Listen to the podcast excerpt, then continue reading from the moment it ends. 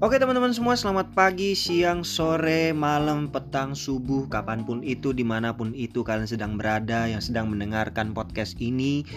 Balik lagi bersama gua Gregorius El Nino di El Nino Station Podcast Season 2 Gila, yang gak ditunggu-tunggu ya. Ditunggu-tunggu gak sih? Tunggulah ya. Amin Eh uh, lumayan lama juga ya. Terakhir itu season 1 uh, eh, episode ke-10 itu gua rilis di tanggal 20 Juli kalau nggak salah. Jadi kalau boleh dibilang sih hitung-hitung udah hampir ya dua mingguan lebih lah ya. Ya dua minggu lah. Uh, gua mulai ada lagi season kedua episode terbaru Nah, um, kangen sama kalian biasa aja. Tapi yang pasti kalian pasti kangen sama gue. Uh, karena ya pede aja dulu ya kan. Siapa tahu beneran. Nah, um, jadi gue mau memulai mau memulai ya season 2 ini dengan sesuatu yang uh, dibilang agak membosankan tapi relevan. Ya membosankan tapi relevan gitu ya. Uh, khususnya untuk teman-teman yang ya keadaan ekonominya sedang uh, musim pancaroba kali ya paceklik ya kebayang nggak tuh yang tanah sawah yang retak-retak akibat kering nggak ada hujan-hujan gitu ya?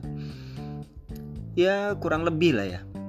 Jadi um, jadi kayaknya kalau ngomongin duit di tahun 2021 gitu ya orang-orang tuh akan langsung tertarik buat dengerin.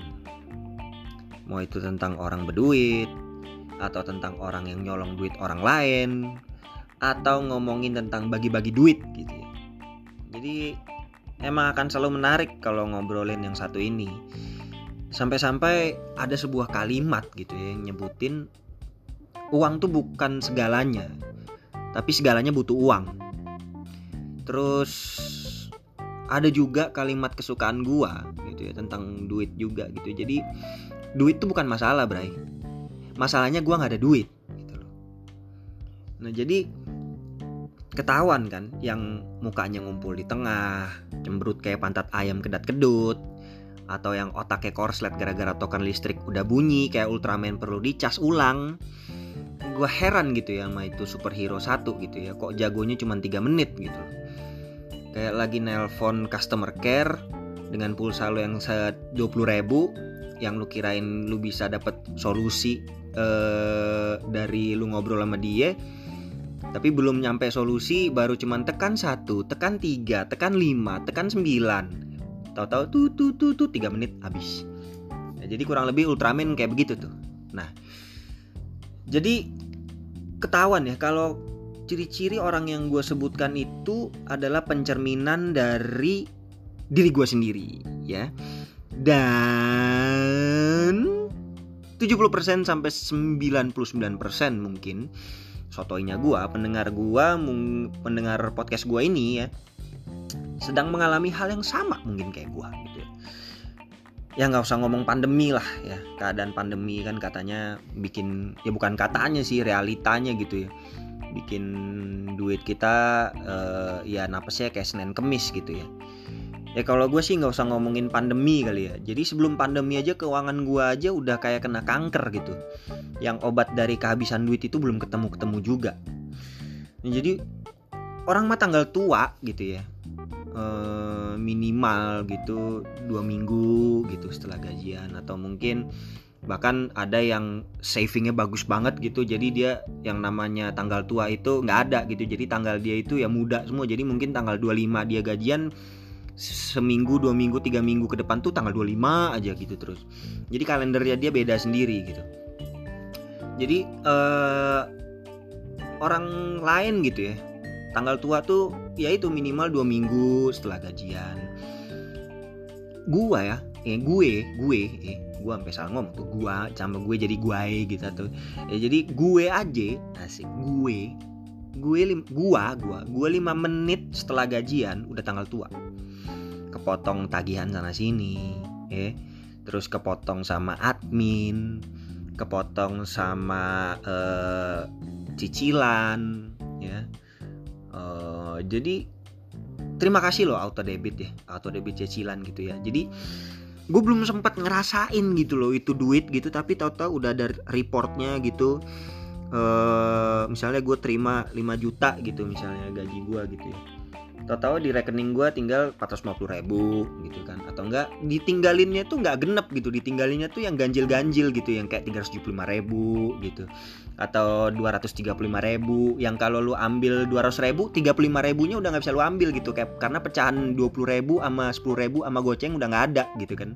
Kalau zaman gue dulu SMA SMP gitu ya kayaknya masih ada tuh pecahan itu tuh sekarang mah udah nggak ada gitu. Jadi uh, ditinggalinnya tuh yang pecahan-pecahan ganjilnya tuh udah kagak bisa gue ambil gitu. Jadi mau nggak mau gue transfer ke GoPay. Jadi gue nggak nggak bisa ngerasain megang goceng yang gue terima 5 juta yang gue terima itu kayak cuman mitos tuh nggak cerita rakyat gitu kan. Legenda Fata Morgana dan lain-lain gitu loh. Nah tapi jadi dengan pengalaman yang sebelum dan sedang pandemi ini banyak hal sih yang gue belajar gitu. Dan gue mau belajar untuk coba lebih bijak atau lebih wise gitu untuk menghargai duit yang gue dapat gitu. Kayak gue misalnya lagi nggak ada duit gitu ya lagi kere to the max gitu ya. Uh, tahu-tahu ketemu 2000 perak gitu di selipan kaos kaki gitu kan ada aja gitu entah gue pernah naruh itu di kaos kaki gitu kan atau ada orang yang pernah naruh itu di kaos kaki gua gitu atau kaos kaki gua pernah jadi gantungan buat sinterklas gitu dan ada orang yang naruh 2000 itu gue juga nggak ngerti gitu. Tapi ada aja gitu dan pada saat gue ketemu 2000 itu gue senengnya setengah mampus men gitu loh kayak 2000 itu di saat gue nggak ada duit gue bisa kayak beli aqua gelas 4 biji gitu kan. Atau gue beli beng beng 1500 atau 2000 kalau misalnya 1500 masih ada gope lumayan lah ya gope gitu. Karena gue nggak ada duit sering masuk angin gue bisa buat kerokan. Jadi ada fungsinya gitu loh ketika gue megang duit keras maksudnya cash keras gitu. Walaupun cuma 2000 terus ketemu gocap ketemu 50 ribu di selipan kantong baju tetangga kosan gue apalagi itu senengnya luar biasa gue kan. Tapi jangan ya uh, jangan ditiru itu namanya ngentit ya.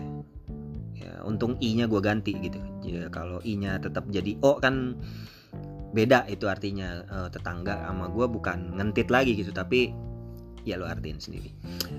Nah jadi bukan mentuhankan uangnya sih enggak ya uh, yang akhirnya lo jadi pelit kuburan sempit gitu ya. Tapi lebih menghargai cara lo mendapatkan uang itu gitu atau duit itu gitu. Jadi lo lebih bijak dalam menggunakan duit itu lebih wise dalam menggunakan uang itu uh, spend money-nya juga lebih wise gitu ya. Kayak kita nih contoh gitu ya uh, di khususnya di masa-masa pandemi ini gitu ya. Kerja apa aja selama halal penting dapat duit uh, pasti lu bakalan lebih bangga dan biji jakar abis gitu ya. Biji jakar abis dalam arti ya bijak ya uh, dalam spend uang itu gitu. Karena ketika lo menemukan kesempatan atau menemukan uh, bolongan gitu ya untuk lo dapet rejeki gitu uh, pasti lo akan lebih giat dalam bekerja uh, karena ya di masa-masa seperti sekarang lo akan pasti akan lebih uh, muter otak lu dua kali lipat lebih dari biasanya gitu untuk bagaimana cara lu bisa survive minimal buat hari ini gitu loh. Dan min dan maksimal lu survive itu nggak cuman uh, minimal buat diri lu sendiri maksimal buat kalau lu udah berkeluarga lu punya anak maksimal buat mereka gitu. Nah jadi um, itulah maksud gue kenapa gue bilang ketika lo dalam keadaan seperti sekarang ketika lo bisa mendapatkan rezeki lo akan lebih wise gitu dalam spend money gitu ya. Tapi ada juga yang usahanya setengah mampus dan niat banget gitu ya. Ngalah-ngalahin niatnya yang halal nih gitu ya. Jadi kalau kita kan kayak misalnya nih di masa-masa sekarang ada aja gitu yang mungkin dia kena PHK atau dirumahkan atau uh, ya laid off lah ya di dirumahkan gitu ya. Uh, gara-gara pandemi ini sampai akhirnya dari yang uh, orang kantoran akhirnya ya banting setir jadi dagang makanan gerobakan gitu kaki lima gitu dan nggak ada yang salah dengan itu gitu loh. Karena ya itu halal gitu ya. Menjual makanan itu menurut gua itu berkatnya double gitu kan. Lo udah uh, mendapatkan rezeki dari situ. Yang kedua lu bikin kenyang orang gitu. Apalagi uh, yang lu jual tuh bener-bener makanan lu itu yang uh, harganya merakyat terus rasanya juga uh, ya enak gitu loh untuk diterima dengan mereka gitu. Sampai akhirnya mereka mau balik lagi ke lu untuk beli lagi makanan itu gitu. Jadi uh, akhirnya lu laris bukan hanya karena harga lu yang merakyat tapi karena kualitas lu juga lu jaga gitu. Kan ada yang murah tapi nggak enak atau murah tapi kotor jorok gitu ya. Jadi lu menjaga itu semua gitu. Jadi itu nilai plus gitu ya. nah tapi ini ada yang usahanya setengah mampus gitu loh men. Dan niat banget gitu untuk dapetin duit dengan cara yang eh, 180 derajat daripada halal gitu ya. Kayak contoh uh, nyusahin orang juga gitu. Kayak contoh jadi babi ngepet gitu misalnya jadi untuk niat dan usahanya sih sebenarnya gue acungin 8 jempol sih buat mereka ini ya yang melakukan ini gitu ya. Karena kan katanya sempat viral juga tuh ada uh, Eh, kasus ini gitu ya viral yang jadi babi ngepet gitu. Jadi gue acungin 8 jempol sih buat mereka sebenarnya. Jadi empatnya jempol kaki tangan gue empatnya lagi gue pinjem dari temen gue gitu ya. Supaya ini loh men lu sabi ale-ale singkong gitu ya. Tapi kenapa harus jadi babi ngepet sih gitu loh kenapa nggak lu jadi yang lebih cute sedikit kayak kucing anggora gitu ya? Maksudnya lu juga welcome gitu loh diterima di rumah itu gitu kan. Kalau babi kan udah pasti lu dipanah atau di di ditombak gitu kan. Tapi kalau kucing anggora gitu kan lebih welcome gitu ya. Uh, ih kucing anggora lagi ya kan. Minimal kalau misalnya lu nggak bisa uh, dapetin duit tuh orang di rumah ya lu dijual gitu uh, supaya yang punya rumah dapat duit gitu karena habis jual lu jadi kucing anggora gitu kan. Jadi akhirnya lu jadi berkat gitu buat tuh orang gitu. Nah jadi jadi udah jadi babi terus jalannya mundur belum lagi tandemnya yang jaga lilin kudu melek jagain gitu loh. Kudu melek jagain tuh lilin gitu. Jadi kebayang gak lo uh, dia sudah sendokiran jagain lilin malam-malam terus di tengah musim pandemi seperti ini lagi musim pancaroba flu batuk gitu ya. Tahu kondisinya drop yang jaga lilin kondisinya drop uh, pas jagain lilin bersin atau enggak batuk kagak tutup mulutnya sama hidungnya ke arah tuh lilin gitu. Jadi kebayang nggak lu uh, tiba-tiba tuh lilin mati gitu ya akibat uh, flu dan bersinnya tuh yang jagain gitu. Terus kebayang nggak lu yang jadi celeng yang yang jadi babi itu jadi celeng selamanya gitu ya jadi jadi babi babi ngepet jadi babi gitu ya selamanya gitu jadi kaya kagak disaksang iya gitu ya. Nah jadi pesan gua khususnya di waktu-waktu seperti ini gitu ya jangan kendor lah gitu jangan untuk cari rezeki gitu. Apa pun gitu yang halal gitu ya. Di, disertai sama niat dan doa gitu ya. Gue yakin banget gue yakin banget pasti Tuhan buka jalan gitu. Ini doa buat semua gitu ya. Uh, buat gue lu buat siapa pun pendengar atau mungkin teman-teman lu yang uh, lu rekomend untuk dengerin ini gitu. Please jangan patah semangat gitu ya khususnya di musim di masa-masa seperti ini gitu. Gue yakin kita manusia-manusia yang kuat stres depresi wajar gitu loh. Ya, tapi gimana caranya kita bangkit lagi itu yang harus kita jalanin gitu loh. Jadi semoga pesan positif di podcast gue ke episode pertama ini membawa semangat buat teman-teman semua. Dan semoga mem dan semoga keadaan ini juga cepat berlalu supaya kita bisa kembali uh, bekerja seperti sedia kala tapi tetap menjaga kesehatan, menjaga kebersihan, walaupun nanti ke depannya keadaan pandemi ini sudah lewat, gue yakin dan percaya kita akan menjadi orang-orang yang lebih bijak lagi, baik secara finansial, secara sosial, apa pun itu kita akan menjadi manusia yang lebih bijak lagi ke depannya setelah kita berhasil melewati keadaan ini.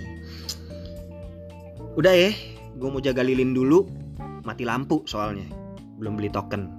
Ya, sampai ketemu di episode berikutnya. Bye bye.